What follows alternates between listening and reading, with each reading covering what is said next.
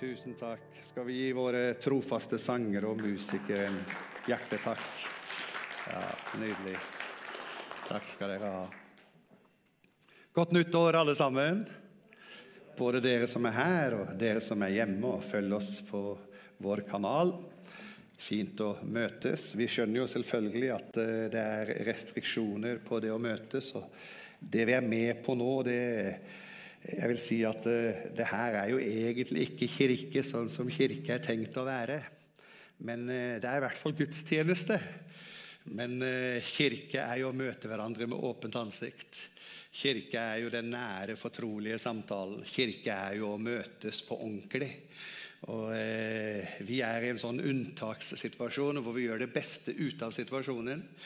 Og Vi tar de hensyn som skal tas, og vi har lov til å samles 50. Og så er det sosiale kontakter ti privat. Det handler ikke om arrangement, det skjønner vi. At 50 det gjelder arrangement, og ti sosiale kontakter i løpet av uka det er private ut ifra en husholdning. Så vi er innafor grensa, folkens. Bare så dere ikke lurer på eh, gjør vi noe galt. Nei da, vi gjør absolutt noe som er helt rett. Så eh, det er fint å være sammen, selv om vi skulle likt å være sammen som en eh, hel kirke og vært sammen på ordentlig. Men den tida kommer. Fordi at eh, Salomo, som var vismann, han sa at alt har sin tid. sa han. Og da kan jeg bare love dere at denne tida kommer til å gå over. Det kommer en ny tid. Det kommer en ny tid. For alt har sin tid, og denne tida her, den er på hell, og den er snart over. For alt har sin tid. Så eh, nå er vi på vei inn i en ny tid. Og eh, Vi tenker selvfølgelig, som Kristian eh, tok med i bønnen her, spesielt på de berørte, ofre, etterlatte eh, i Gjerdrum. Og Det minnes om hvor skjørt livet er, og, og, hvor viktig det er også bokstavelig og i overført betydning å bygge livet på solid grunn. Og Når mennesker så brutalt blir revet ut av tiden, og blir brutalt revet ut til og med gjennom nattens søvn Noe mer brutalt kan man være vanskelig forestille seg. Så vi kjenner på smerten. Vi vet at uh, kongeparet og kronprinsen er i Gjerdrum i dag for å bringe trøst på vegne av hele nasjonen. Er ikke det fint at vi har en representant på vegne av hele nasjonen som kan uttrykke nasjonens uh, medfølelse, sorg og trøst? Og så er vi her, og så bryr vi oss om Trondheim, og så bryr vi oss om eh, eh byen vår og regionen vår og landet vårt. Og så har vi et tema for 2020 eh, som heter 'Sammen om kirken'. Og eh, I januar så har vi et undertema eh, 'Vennskap med Gud'. Så Jeg skal si noen ord om det, om at eh, vi skal være sammen om eh, Kirken. Og eh, vi skal ha vennskap med Gud. Her ser dere vi feirer 100-årsjubileum, husker dere? Eh, det er nesten så vi får lyst til å synge sangen 'Å, jeg minnes, å, jeg minnes'. Men eh, det var en eh, herlig helg vi hadde der. 18., 17., 18. og 19. januar i 2020. Det er snart et år siden. Og Da var vi sammen som hel kirke. Og vi var sammen som en kirke med alle generasjoner og alle nasjoner men vi var sammen som en familie. Det var en nydelig helg. Vi skal være sammen om Kirken, vi skal være sammen for Kirken, vi skal være sammen i Kirken. Og Det er Jesus som egentlig er garantisten for at dette fungerer. For han har sagt noe som eh, på en måte har evig gyldighet. Han sier det om eh, Peter. Eh, han sier det, 'Peter, du er Peter', sier han. For Peter har allerede lagt av en bekjennelse på at Jesus er Messias, Guds levende sønn. Og så sier Jesus til Peter at Peter han bruker et ordspill her, for Peter betyr klippe. Og så sier han, 'Peter, du er Peter.' Eh, det er jo en selvfølge. Du er Peter.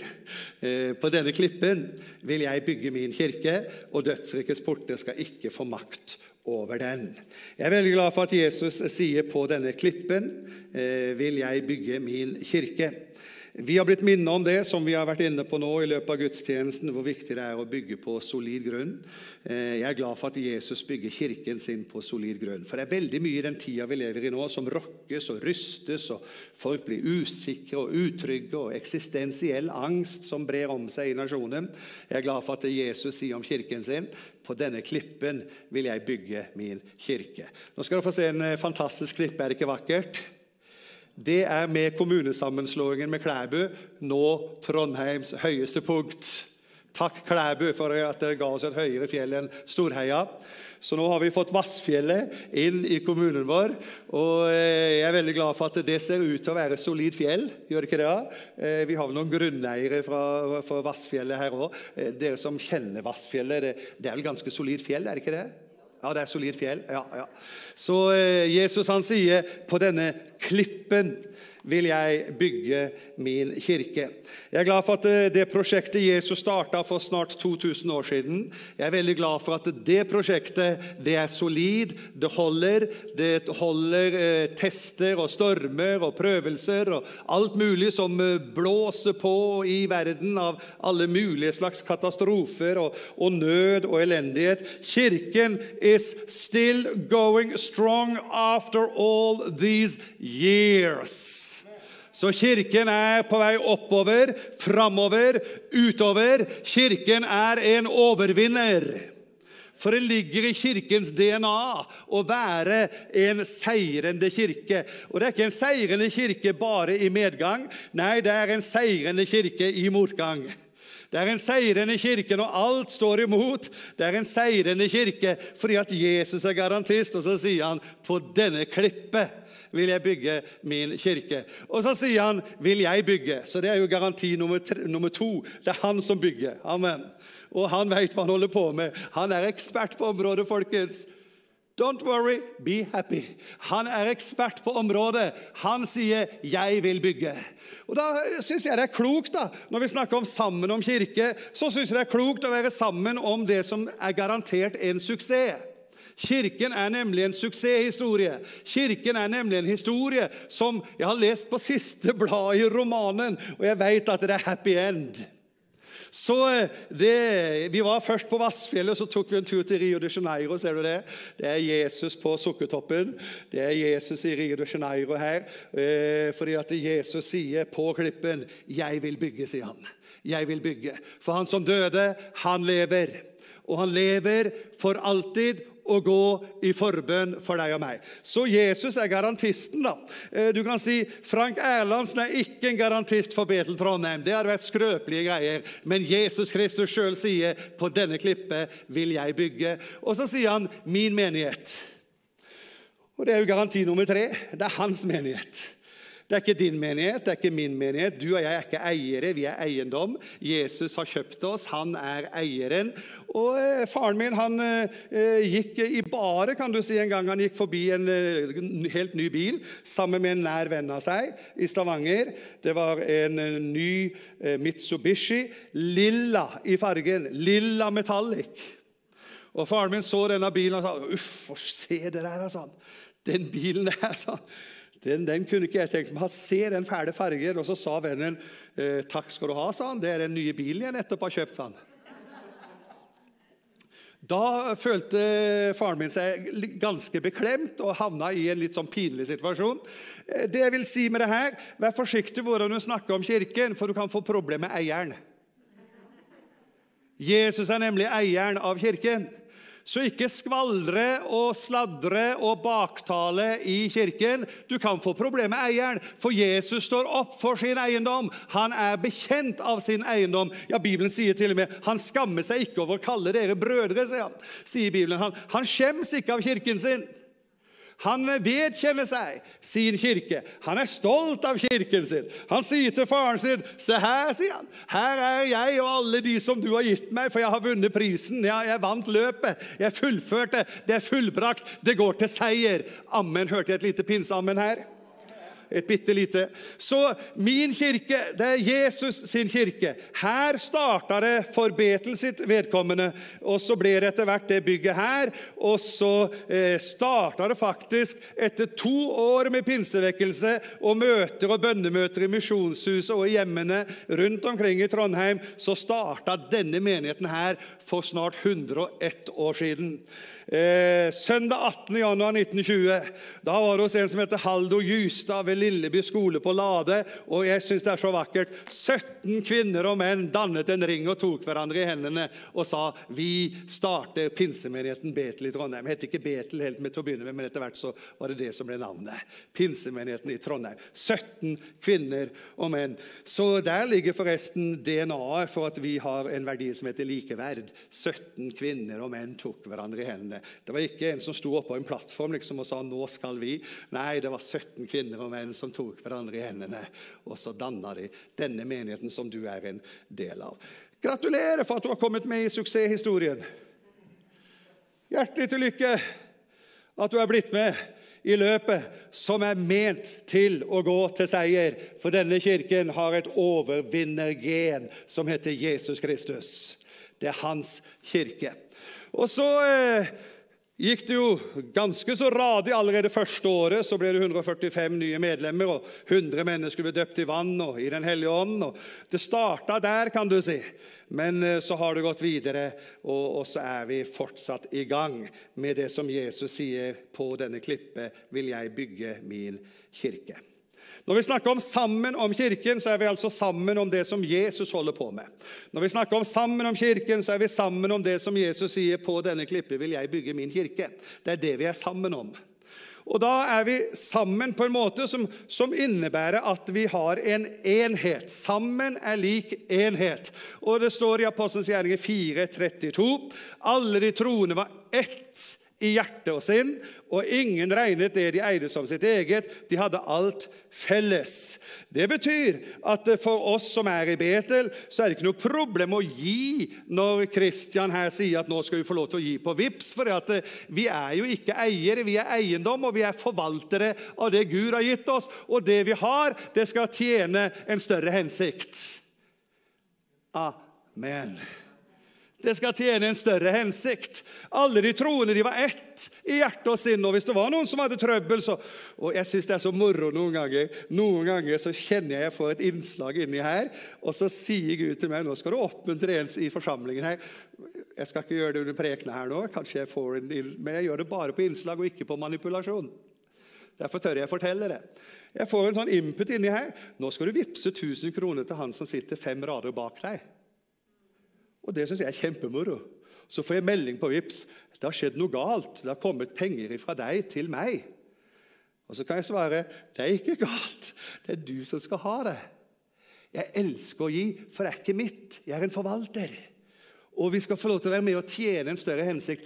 De hadde alt felles. Så, så hvis jeg får et tilslag, en, en, en, en impuls inni hjertet mitt fra Den hellige ånd, at du skal gi litt der og du skal gi litt der, ja, så er ikke det noe big deal, liksom. Det er easy going. Amen. Det er easy going. Det er så enkelt, fordi at Gud elsker en glad giver, og det er mer salig å gi enn å få. Så, så jeg, vi er ett i hjerte og sinn, og vi bryr oss om hverandre. og Det handler bl.a. om å være med og gi, for vi bryr oss om hverandre. Og det å være ett, det handler også om å møtes.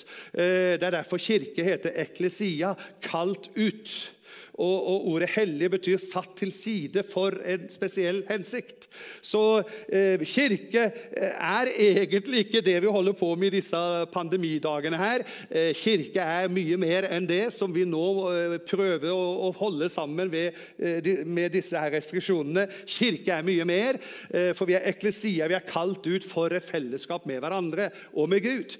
og det er litt vanskelig å ha øyekontakt med en skjerm, liksom. Og eh, nå ser jeg jo ikke smil av dere selv, selv om jeg ser noen smilende øyne rett foran meg her nå. Oi, oi, oi, Det er så nydelig. Så eh, det er oppmuntrende å se hverandre likevel, men det er noe annet å kikke rett inn i ansiktet. Kristian han kan sitte uten maske, så jeg kan bare bli inspirert av å se rett på han, vet du. Amen. For det står om Paulus, vet du, da han så brødrene, fikk han ut mot. Og, og sånn er det, vet du, at kirke handler om å møtes. Og, og vi, de var sammen hver dag. Det er ikke mulig i, i, i 2021. Det var ikke mulig i 2020 heller. Eh, det vil aldri bli mulig i det moderne samfunn som kirke å samles hver dag. Det er en annen, andre omstendigheter nå med arbeidstid og osv. Men poenget er de var trofast og holdt sammen i det store på tempelplassen og i hjemmene. Og så spiste de sammen med oppriktig og hjertelig glede. Det kan vi jo forresten eh, øke på etter hvert når da, som eh, pandemien gir seg. Så kan vi ta med oss kanskje inn i den nye tida som ligger foran oss, enda større grad av gjestfrihet. Det kan vi kanskje øke på. Større grad av gjestfrihet. Fordi kirke handler om å komme sammen. Og Det å komme sammen er en verdi i seg sjøl. Og er vi er sammen om kirken, og vi er sammen i enhet. Vi har også forståelse sammen fordi at det bildet er så stort at det er, for, det er umulig for én alene å se det. Vi må komme sammen for å forstå sammen. Og Det sier jo eh, Paulus. Eh, må dere sammen med alle de hellige. Ser du? Bildet er så stort at vi klarer ikke å forfatte og begripe den store kjærligheten som Jesus har. Bredde, lengde, høyde og dybde. Det er så stort, det. Det overgår all kunnskap. Det er så voldsomt at du og jeg har ikke sjans til å begripe det alene. Så derfor må dere sammen med alle de hellige forstå. Og når jeg ser på deg og kjenner deg og kjenner mennesker i denne menigheten her, kjenner mitt eget liv, kjenner andres liv, så ser jeg faktisk mer av Guds kjærlighet. For jeg har sett situasjoner, jeg har sett mennesker, mitt eget liv og andres liv. Jeg har sett at uten Guds kjærlighet så har det gått rett utforbakke. Men sammen med alle de hellige så får jeg innblikk i Guds nåde. Sammen med alle de hellige får jeg innblikk i Guds kjærlighet. Sammen med alle de hellige så, så forstår jeg lengde, bredde, høyde og dybde. Vi forstår det bare sammen. Så vi må møtes, folkens! Hør, dere som følger oss på YouTube, vi må møtes! Den tida kommer. Vi er sammen i enhet for en større hensikt. Enhet er ikke eh, for sin egen skyld, men enhet handler om en større hensikt. Jesus er veldig tydelig på det at eh, han vil at vi skal være ett, og vi skal være sammen i enhet. Men han sier det at vi skal være sammen i enhet for en større hensikt. Og når vi kommer sammen her og er sammen, så handler det egentlig ikke om oss. Det handler om Trondheim. Hørte jeg et ammen? Det handler om Trondheim, det handler om Melhus, det handler om Malvik, det handler om Stjørdal. Det handler om eh, Trondheim og omegn, kan vi si. Og Da blir jeg nesten frista til å si at omegn er Europa. At jeg var i Kristiansand, og Kristiansand var med å støtte Ingrid og meg i vår misjonstjeneste i Garmisch-Partenkirchen. Og, og de, hver gang vi var i Kristiansand, vi var der i hvert fall en gang i året og hadde møte der, og, og, og stadig vekk var det snakk om byggeprosjekt. De skulle bygge, og de skulle ha kirke og et sentrum. og De hadde en spesialgruppe som hadde reist rundt i landet for å undersøke forskjellige kirkebygg osv. Og, og så kom de tilbake med rapport, og så var det en herlig trosmann som jeg er kjempeglad i. Han fortalte at vi skal bygge et kraftsenter, sa han. Vi skal bygge et kraftsenter for Kristiansand og omegn. Og så sa han og omegn er Europa. Jeg ble så glad, vet du, for vi bodde jo midt i Europa, i Mellom-Europa. Så jeg tenkte det var herlig vet du, at vi er med liksom, i Kristiansandsregionen. Der hvor de har bønnevekkelse, og der hvor det er framgang og vekst. Og vi er med i den regionen der, liksom. Så omegn er Europa. Så vi skal ha tro på eh, enhet og sammen for en større hensikt enn deg og mitt og vårt og Nei, det handler om at vi er sammen for Trondheim og omegn. Det er dette Jesus sier når han ber for kirken sin. Han sier, 'Må de alle være ett', sier han. Slik du, far, er i meg, og jeg i deg. Det er sterk enhet. En herlig enhet. Det er, det er så nydelig enhet når han bruker seg sjøl og sin relasjon med sin far som et forbilde på den enheten vi skal ha i kirken. Slik skal også de være i oss. Og så kommer han med begrunnelsen for at verden skal tro. Så en kirke i strid med seg sjøl er med å miste troverdighet overfor mennesker som skal komme til tro på Jesus. Så vi må holde fred med hverandre, folkens. Amen. Derfor er jeg også glad for at jeg var med som underskriver på vegne av Betel i et skriv som var retta til byen vår. Og Der var det fra alle mulige religiøse sammenhenger. Men for meg så holder det å være menneske eh, for å være med på noe som er positivt. Så veit jeg hva vi tror. Og det tror vi på. Og vi holder fast på det vi tror på. Men eh, vi kan vel enes om noe som er positivt eh, langt utover kristen sammenheng. Kan ikke det være greit, det, da? Og, bare gi et signal om noe som er positivt. Jeg tror ikke på religionsblanding, men jeg tror på menneskeblanding. Jøss, yes, den var så bra. Jeg oppmuntrer meg sjøl her nå, ikke sant? For det var så lite respons i forsamlingen, så jeg måtte si det sjøl. ok! Altså, eh, vi, vi, vi, skal være sammen i enhet som kirke. Det er spesifikt for kirken til Jesus. Vi skal være sammen i enhet som kirke for at verden skal tro. For at verden, for Trondheim, skal få øye på Jesus Kristus. Verden skal tro at du har sendt meg. Den herligheten du har gitt meg, har jeg gitt dem. Det var jo en periode med herlighetsteologi. Husker dere det? Og da var det sånn at Herlighetsteologi liksom, det skapte splid i kirka til Jesus. Det er fullstendig misforstått. Fordi at Når Jesus snakker om herlighet, så snakker han om enhet. Amen. Den herlighet som du har gitt meg, den har jeg gitt dem. Så ja til herlighetsteologi, for det skaper enhet. Amen. Må du forstå det jeg sa rett? Du må forstå det jeg sa rett. Ja. Den herligheten du har gitt meg, har jeg gitt dem for at de skal være ett. Så herligheten er ikke gitt for splid, men for enhet. Hvorfor det? Jo, for det som er herlig, det holder oss sammen. Det som er herlig, det trekkes vi mot. Det er ingen som trekkes mot søppeldynga, men verdier, det trekkes vi mot. Det som er herlig. Så den herligheten jeg har, den har jeg gitt dem for at eh, de skal være ett, slik vi er ett. Jeg i dem og du i meg, så de helt og full kan være ett. Altså, det, er jo, det er jo nesten smør på flesk hele veien her. Det er liksom om igjen og om igjen og om igjen. Sammen om Kirken. Sammen for Kirken. Og så kommer det igjen. Da skal verden skjønne. Aha! Jesus sier også et sted på dette skal de forstå og kjenne at dere er mine disipler, at dere elsker hverandre, at dere har innbyrdes kjærlighet. Så, så enhet og sammen om Kirken, det er med å gi Kirken og budskapet vi har, troverdighet. Da skal verden skjønne at du har sendt meg, og at du elsker dem slik du har elsket meg. Enheten er reell. Den må egentlig ikke jobbes for, den må egentlig bare bevares. Vi må bare ta vare på den. Sammen om kirke. Vi må passe på at det ikke kommer noe inn som skaper splid i kirke. Vi må bare ta vare på enheten. Eh, bevare enheten. Den karen her, vet du Eh, det er ikke sånn at hvis han eh, liksom tar av seg Han er så innmari god å spille fotball. Han er kjempegod å spille fotball, han som du ser på skjermen her. Og foten hans tenker det at 'jeg har spisskompetanse på å få ballen i mål'. Og jeg er så innmari god å spille fotball, tenker foten. Og det er jo jeg som skyter så ballen går i mål. Så nå ønsker jeg å realisere meg selv og løsrive meg fra kroppen for virkelig å finne meg sjøl. Det er ikke frihet, det er død. Vi trenger å være på kroppen for å virkelig oppleve sann frihet.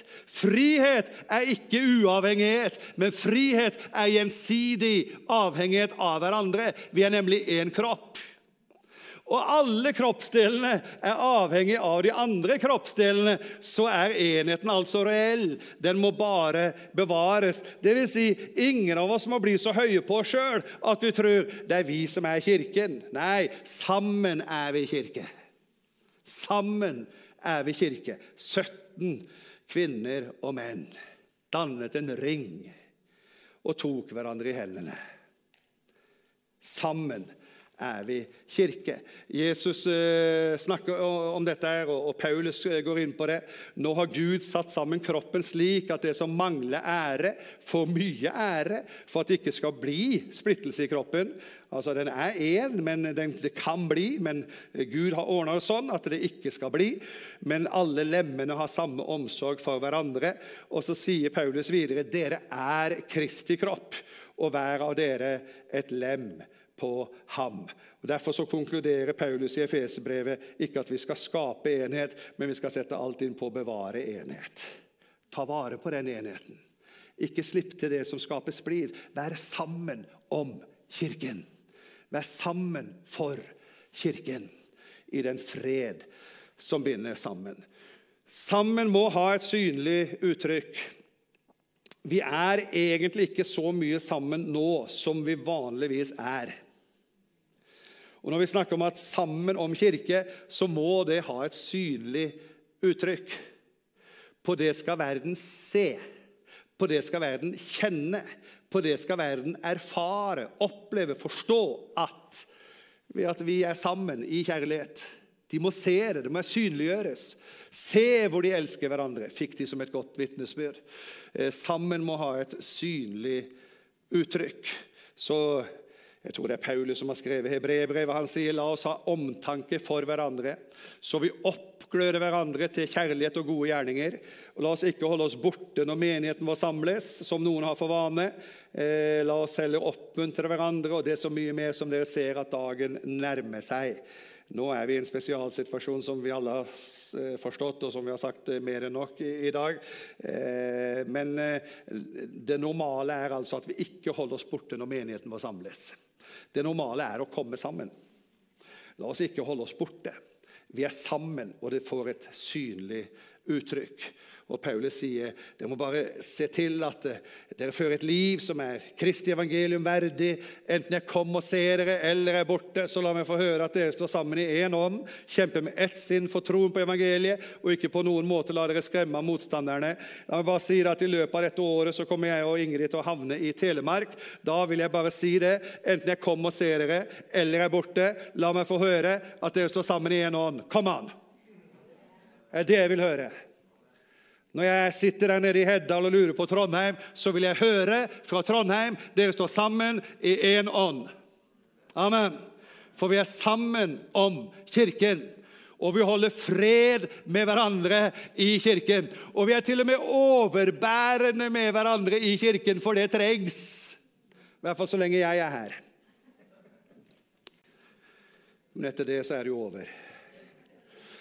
Nei, la meg få høre at dere står sammen i én ånd, kjempe med ett sinn for troen på evangeliet, og ikke på noen måte la dere skremme av motstanderne. Vi lar oss ikke skremme av noe som helst. Tro er vårt seierstegn, sang dem i gamle dager. Det var en sang i Maranata og evangelietoner. Tro er vårt seierstegn. Hør her, troen har ikke gått av på mote. Troen er fortsatt vårt adelsmerke. Vi tror mot alle omstendigheter. Og det er den som tror, som skal få se. Sa jeg ikke at hvis du tror, skal du få se min herlighet? Det er ikke sånn at vi ser for å tro. Nei, vi tror for å se. Amen. Så vi kjemper sammen for troen. Og så skal vi tjene sammen. Og Da skal jeg lese en tekst som jeg har skrevet. fordi at uh, I pinsebevegelsen i Norge så har vi blitt enige om at vi skal begynne med sånn der læringsfellesskap. og Vi hadde et uh, møte her i Betel også for regionen. Det var flere som var til stede på det. og uh, En som heter Knut Idland, som kom hit. og, og Vi snakka om dette her med læringsfellesskap. Og så har jeg blitt bedt om å skrive noen tekster som skal brukes i disse læringsfellesskapene. Og Jeg har skrevet følgende tekst. Jeg ble bedt om å si noe om tjeneste. Og vi skal være sammen i tjeneste. Og Da vil jeg lese noe som kommer inn i de her læringsfellesskapene. Å være en etterfølger handler om å gå etter en som går foran. I kirken er Jesus han som går foran, og vi er de som følger etter ham. Et annet ord for etterfølger er disippel, som på norsk heter lærling. Disippel av Jesus innebærer altså å være en etterfølger av ham. Og det er ikke mer komplisert enn å gjøre det han har vist oss som eksempel. Han er mesteren, og vi er lærlinger, som skal bli mer og mer lik ham i holdning og i handling. Det viktigste Jesus har vist oss som et eksempel å etterfølge, er viljen til å tjene, gi, ofre og forsake for en større hensikt. La meg i parentes si dette er motkultur til den norske kulturen anno 2021. Selv om vi ser en nydelig eksempel nå i Gjerdrum på folk som stiller opp i solidaritet med de som har det tøft. Så Det viktigste Jesus har vist oss, er viljen til å gi og tjene, ofre og forsake for en større hensikt. Vi hadde ikke engang vært frelst uten disse kvalitetene. Jesus var ikke en konsument av andres tjenester, men en produserende bidragsyter for fellesskapet. Å være kristen er ikke passiv tro som bare holder noe for sant, men tro som viser seg i aktiv tjeneste. Å gå etter Jesus er ikke statisk og passivt, men dynamisk og aktivt. Muskler må brukes for ikke å svekkes. Jeg snakker av erfaring. De er blitt ganske svekka, for de blir brukt så sjelden. Og når jeg noen ganger bruker det, så tenker jeg Hei sann, er dere her ennå? Merker at jeg har noe som jeg ikke visste, liksom. Muskler må brukes for ikke å svekkes og bli dvaske og pløsete. Dersom vi kaller oss kristne uten å bidra, er det som å ha muskler som ikke brukes. Vi sløves, og vi dovner mer og mer. Dette er en sannhet. Jeg har sett at kristne som trekker seg tilbake fra aktiv tjeneste, blir ikke sterkere kristne. Aldri i verden. Musklene må brukes for at du skal vokse og utvikles. Det er viktig og bra at vi kjenner våre nådegaver, men vi må passe oss så vi ikke blir egosentriske i det å finne våre gudgitte gaver og vår spisskompetanse. Nådegaver nemlig forutsetter vilje til å tjene, og de er ikke til for vår egen skyld, men for andres skyld. Nåde pluss gaver er lik gratis pluss gitt, sier seg sjøl. Å etterfølge Jesus er å bygge muskler til innsats. Jesus identifiserer seg helt og fullt med sin kirke, og i og gjennom hans kirke blir etterfølgelse synlig. Det handler om å tjene, og dette er ikke mer mystisk enn å bidra. Så hvis du har litt problem med ordet 'vi må tjene i kirken', så la meg si det på godt norsk vi må bidra i kirken. Det er så enkelt. De fleste oppgaver i og gjennom kirken handler ikke om spesifikke nådegaver. Fikk du kanskje litt bakoversveis? De fleste oppgaver i og gjennom Kirken handler ikke om spesifikke nådegaver, men praktiske oppgaver som trengs å gjøres. Dersom vi er villige til å bidra med å løse disse, vil også sjansen til å finne våre spesielle nådegaver og vokse i bruken av dem, øke. En egennytte av alt dette er velsignelsen ved å gi og å være til velsignelse, for er som kjenner saligere å gi enn å få. Vi streamer våre gudstjenester i Betel i Trondheim. Dette har lenge stått eller falt på én manns innsats. Jeg snakker om Asbjørn Mortensen. Han heiv seg rundt, og med bratt læringskurve fikk han dette opp å gå i løpet av kort tid. Hele tiden har vi snakket om at vi trenger flere til å bidra i dette. En dame ble med etter noen måneder. Jeg snakker om Melanie Witten. En dame ble med etter noen måneder. og nå skal du høre, Jeg sa til henne at det var så fint at hun hadde kjent i hjertet at hun skulle engasjere seg på dette området. Det er sånn pastoralt pjatt. ikke sant? Så fint at du kjenner det i hjertet. ikke sant? Men hun ga meg et svar som gjorde at jeg ble så begeistra. Jeg ble så glad for svaret hennes, for hun svarte noe jeg likte veldig godt. Nei, jeg kjente ikke noe i hjertet, jeg bare gjør det. Yes! Come on! Jeg kjente ikke noe i hjertet. Jeg bare gjør det. Åh, jeg kjente ho, ho, ho. Det her må jeg ha med inn i læringsfellesskapet i pinsebevegelsen. Jeg har fått lov til å nevne navn, for jeg spurte på forhånd. og De ga grønt lys både Asbjørn og Melanie. Det vil si, Asbjørn har ikke svart ennå, men nå er det for seint.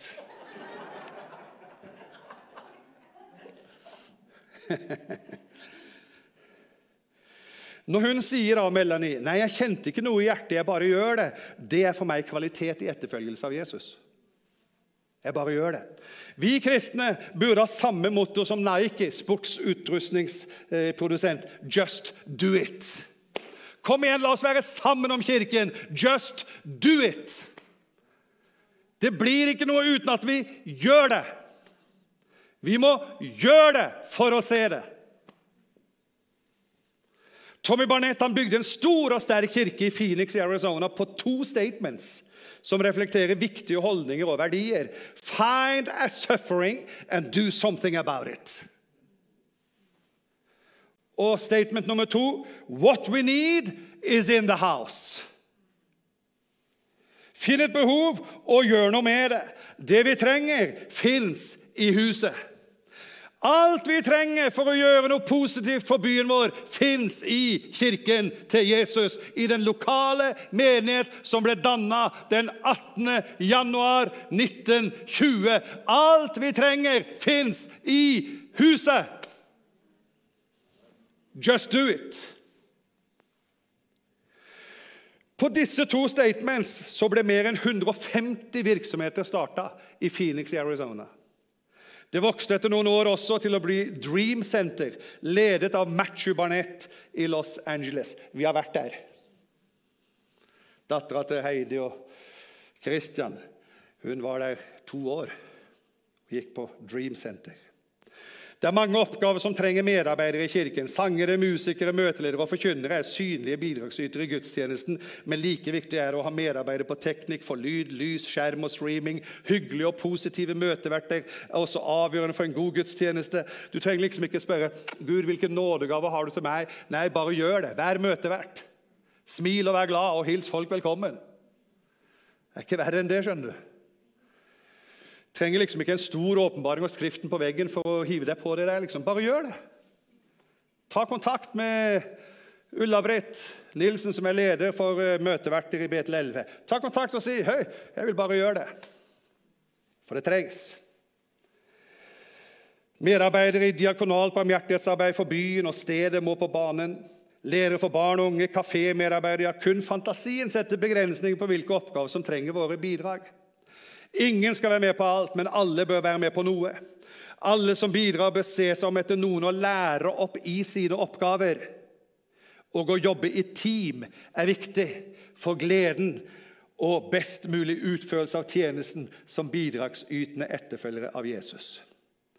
Efeserbrevet 6,67 bør være drivende kraft i det vi gjør. Vær ikke øyentjenere som bare vil gjøre mennesket til lags, men Kristi tjenere som helhjertet gjør Guds vilje. Gjør tjenesten med et villig sinn. Det er Herren og ikke mennesker dere tjener. Amen. Så vi skal tjene sammen, som er så enkelt som at vi skal bidra sammen. Det er et fargerikt fellesskap, og oppgaven og høsten er stor. og Vi må være med alle sammen. og Hvis ikke noe skjer, så sørg for at det skjer. og La oss eh, se kompetanse og, og, og, og muligheter som finnes i hver enkelt, og sette det sammen til et fellesskap for tjeneste. For Peter sier 'tjen hverandre', ikke annen hver, hver tredje, hver fjerde, nei, hver og en med den nådegave han har fått som gode forvalter av Guds mangfoldige nåde.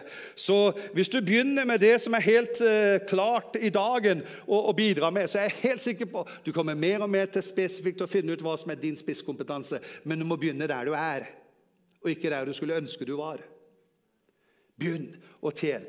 Og det er sånn da, at uh, nåde pluss gaver er lik gratis pluss gitt. Så det er, ingen, det er, egentlig også smør på flesk. ikke sant? Nåde er gratis, og gaver er jo også gratis. Og nådegaver er jo gratis, og det er gitt. ikke sant? Det er jo ingen av dere som betalte noe for julegavene dere fikk i fjor.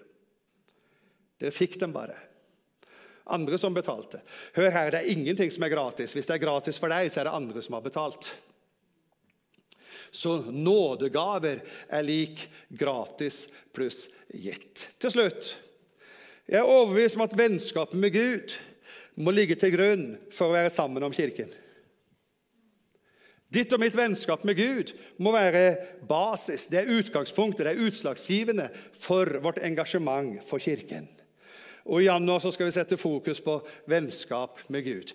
Da kjenner dere det norske uttrykket 'vennetjeneste'. Har dere hørt om det? Han gjorde en vennetjeneste. Jeg tror Jesus faktisk eh, Kjære professor Tangvik. Eh, jeg lurer på om ikke Jesus hadde en historie om en enke og en urettferdig dommer. Eh, så, så, så hun, han, han, var ikke så villig å gi henne det som hun egentlig ville ha. Men så til slutt så sa han det at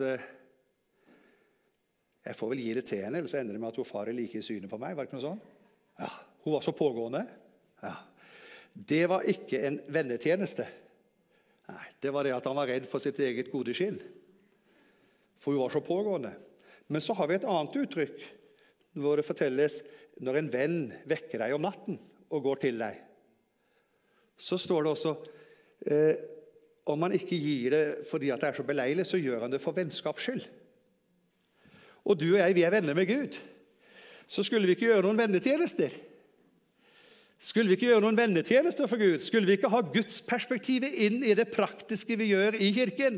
Fordi det er ikke det er jo liksom ikke i første rekke for deg og meg, men, men det er for Gud til nytte for Trondheim. Det er et større perspektiv på det vi gjør. Vi er skapt til vennskap med Gud.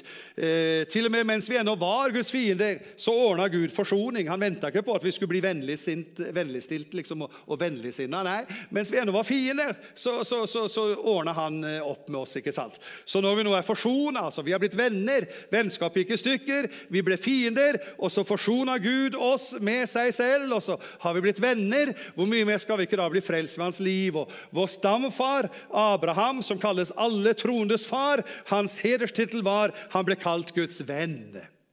Og Eplet faller ikke langt fra stammen, så hvis Abraham er faren din, så kan jo du også være en venn med Gud. Amen. Gud er ikke en fjern, mystisk, farlig greie. Han er vår venn. Han er nær. Han er, vi har fortrolig fellesskap med ham. Vi har respekt for våre venner. Og Jesus sier til sine eh, disipler Jeg kaller dere ikke lenger tjenere, sier han, for tjeneren vet ikke hva Herren hans gjør. Jeg kaller dere venner, for jeg har gjort kjent for dere alt jeg har hørt av min far.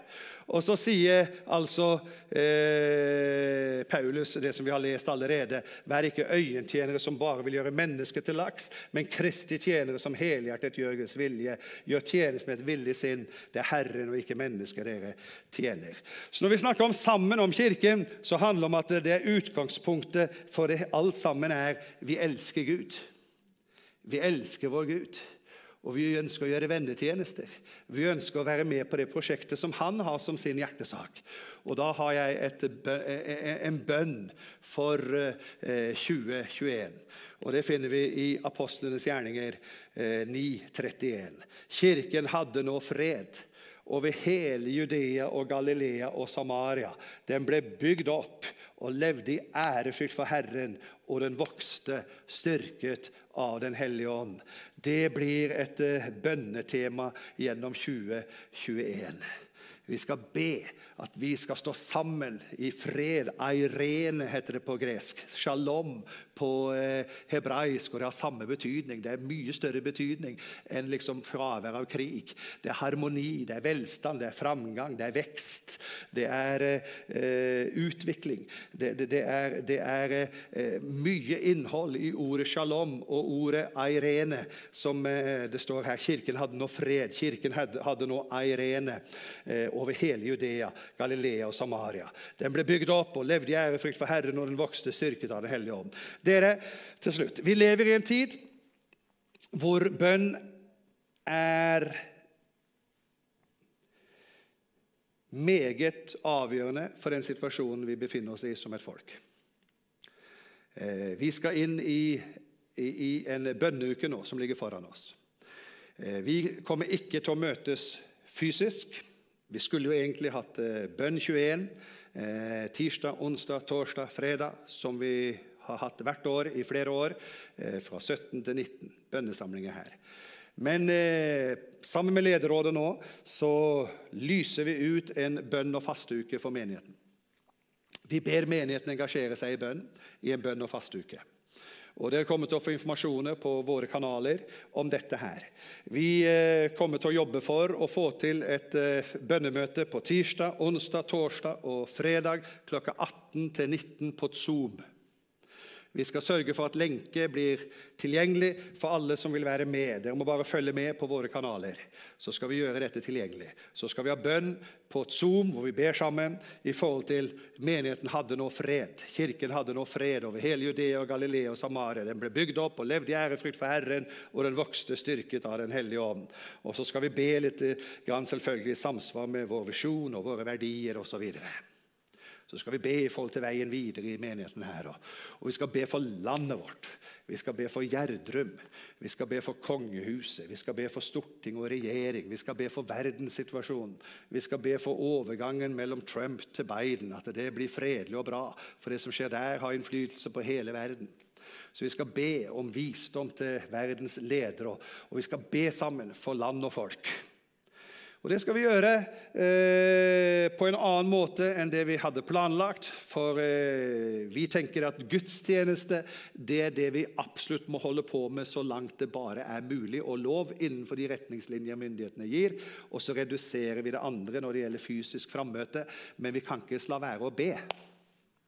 Vi må be. Så vi lyser ut en bønn- og fasteuke. Og så kan du faste på den måten du sjøl ønsker. Eh, det er fritt fram. Det er mange måter å gjøre det på. Eh, det kan du gjøre som du vil. Eh, du trenger ikke gjøre det heller. Men vi lyser i hvert fall ut en bønn- og fasteuke. Sånn at bønn 21, prayer 21, det blir en bønneuke hvor ditt personlige bønneliv intensiveres. Og så skal vi også møtes da på Zoom. Og så skal vi finne andre måter å møtes på på digitale plattformer for bønn 21. Eh, jeg har sagt til staben, eh, for eh, myndighetene sier jo at alle som kan, må ha hjemmekontor. Det er siste liksom, nå i mellomjula. Alle som kan, må ha hjemmekontor. Så vi skal ha hjemmekontor. Men jeg har sagt til staben denne uka som ligger foran oss nå, handler det ikke i første rekke om å gjøre, men det handler om å være. Det handler ikke om å søke Guds hender og alt vi skal gjøre. Det handler om å søke Hans ansikt. Og vi ønsker å søke Gud i bønn innenfor det året som ligger foran. Og eh, Når omstendighetene egentlig sier det blir vanskelig å komme sammen til bønn, så ønsker vi å mobilisere enda mer til bønn. For i ordet 'tross' finnes ordet tro. Amen. Så når situasjonen er som den er, så sier vi i tro vi trosser situasjonen. Og vi har til og med sunget 'Deilig er jorden' i tross, fordi vi tror. Så eh, vi løfter fram troens adelsmerke, og vi kommer til å søke Gud i bønn. Og jeg kommer for min egen del eh, ikke være så tilgjengelig for alle eh, mennesker og medarbeidere og stab osv. Jeg kommer til å være mer tilgjengelig for Gud, fordi at denne uka her så lyser vi ut til en bønn- og fastuke. Og Vi gjør det for hele menigheten, og vi inviterer alle til å være med. og Bare følg med på våre kanaler, så skal du finne ut etter hvert hvordan dette skal skje. Men fysisk møtepunkter det er vi dessverre forhindra eh, fra å gjøre. Men bønnekanalen den er ikke begrensa av tid og rom. Den er søkk åpen hele veien. den. Han som har innviet en ny og levende vei for oss å gå inn i helligdommen. Så selv om vi er fysisk begrensa i forhold til hverandre, så er det en tid for det akkurat nå. Så er Gud nær hele tida, og han er nær oss. For han bygger sin kirke. Han bygger sin kirke. Vi skal be sammen. Far i himmelen. Kan sangerne komme fram, og så synger vi kanskje en sang sammen eh, til slutt her, og så skal jeg gi ordet til Kristian eh, igjen, som leder møtet her. Far himmelen, jeg ber for din kirke, både her i Betel, men også de andre lokale menigheter i denne byen. Jeg ber om at vi skal få lov til å være sammen om din kirke og være med å bygge din menighet sammen med deg, være medarbeidere av deg og gjøre det som du ønsker skal skje i denne menigheten her i Betel, men også i de andre lokale menighetene. Herre, vi ber om at du skal velsigne oss så vi kan være til velsignelse for byen vår, for landet vårt, for verden, rundt omkring der hvor vi er aktive. Herre, vi ber om at eh, gjennom din kirke så skal ditt rike synliggjøres, som er rettferdighet, fred og glede og kraft i Den hellige hånd. Jeg ber i Jesu navn. Amen. Da skal vi synge.